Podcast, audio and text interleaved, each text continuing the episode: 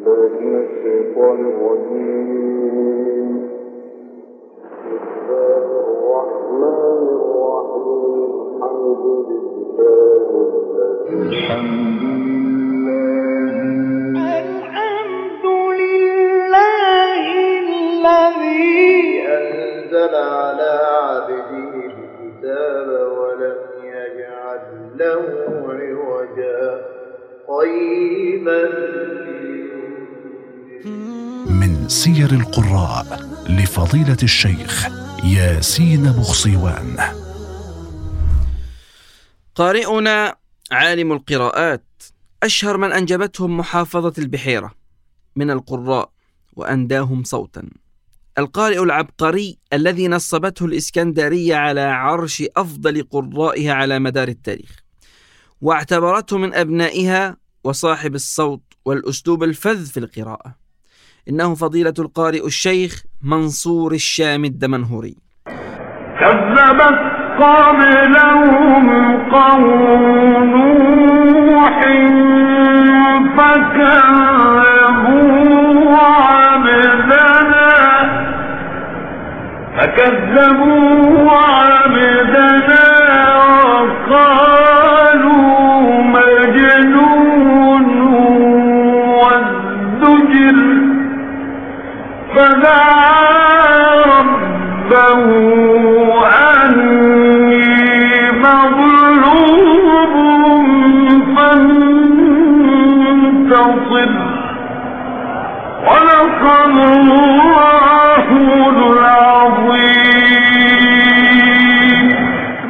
كثيرون مع الأسف لا يعرفون هذا القارئ العملاق فهو من القراء الإذاعيين القدامى جدا وله عدد من التسجيلات الصوتية بالإذاعة. لكنها ليست بالجودة الكافية لقدمها. لا تعبر بشكل كامل عن حقيقة صوته المذهل. ولد الشيخ منصور الشام الدمنهوري في الثاني عشر من شهر أغسطس لعام 1906 من الميلاد. وحفظ القرآن الكريم في سن العاشر على يد الشيخ أحمد غزال. ثم انتقل إلى طنطا لتعلم القراءات وعلوم القرآن. ثم انتقل بعد ذلك إلى الإسكندرية في سن العشرين حيث اشتهر وذاع صيته بها خاصة بعد أن جمعته إحدى الليالي القرآنية فيها بالقارئ الفذ الشيخ محمد رفعت رحمه الله حيث أعجب الشيخ بصوته وشهد له بالنبوغ. قرأ الشيخ منصور الشامي الدمنهوري في الإذاعة المصرية في عام 1945 وكذا في إذاعات لندن وسوريا والشرق الأدنى وباكستان.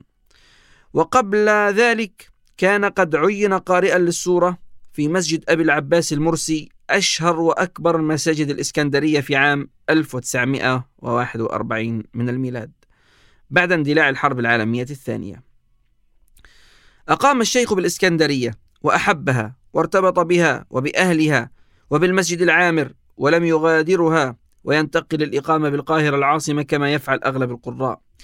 ولما اشتدت الحرب العالمية الثانية ضراوة كانت المعارك الحربية الشرسة تجري على أعتاب الإسكندرية حيث كان الألمان بقيادة المارشيال روميل يحاولون الاستيلاء على الإسكندرية من أيدي الإنجليز بقيادة الجنرال مونتجمري لينطلقوا منها إلى القاهرة ثم إلى قناة السويس.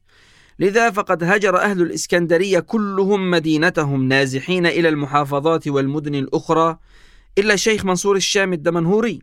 ورغم أنه كان بإمكانه المغادرة والعودة إلى دمنهور حيث مسكن عائلته الأصلي بالإضافة إلى مسكنه بالإسكندرية إلا أنه رفض مغادرة الإسكندرية مع المغادرين بل ورفض مغادرة مسجد العارف بالله أبي العباس المرسي وقال هذا هو بيتي لا أعرف لي بيتا سواه ولا أخرج من مسجدي حتى لو مت فيه وأقام الشيخ في المسجد إقامة كاملة ينام فيه وينظفه ويقرأ القرآن ويؤذن للصلوات ويقيم الصلاة ويخطب الجمعات رغم خلو المسجد إلا من عدد قليل جدا ممن تضطرهم ظروف عمل مؤقت للتواجد بالإسكندرية فإن لم يجد أحدا صلى بمفرده.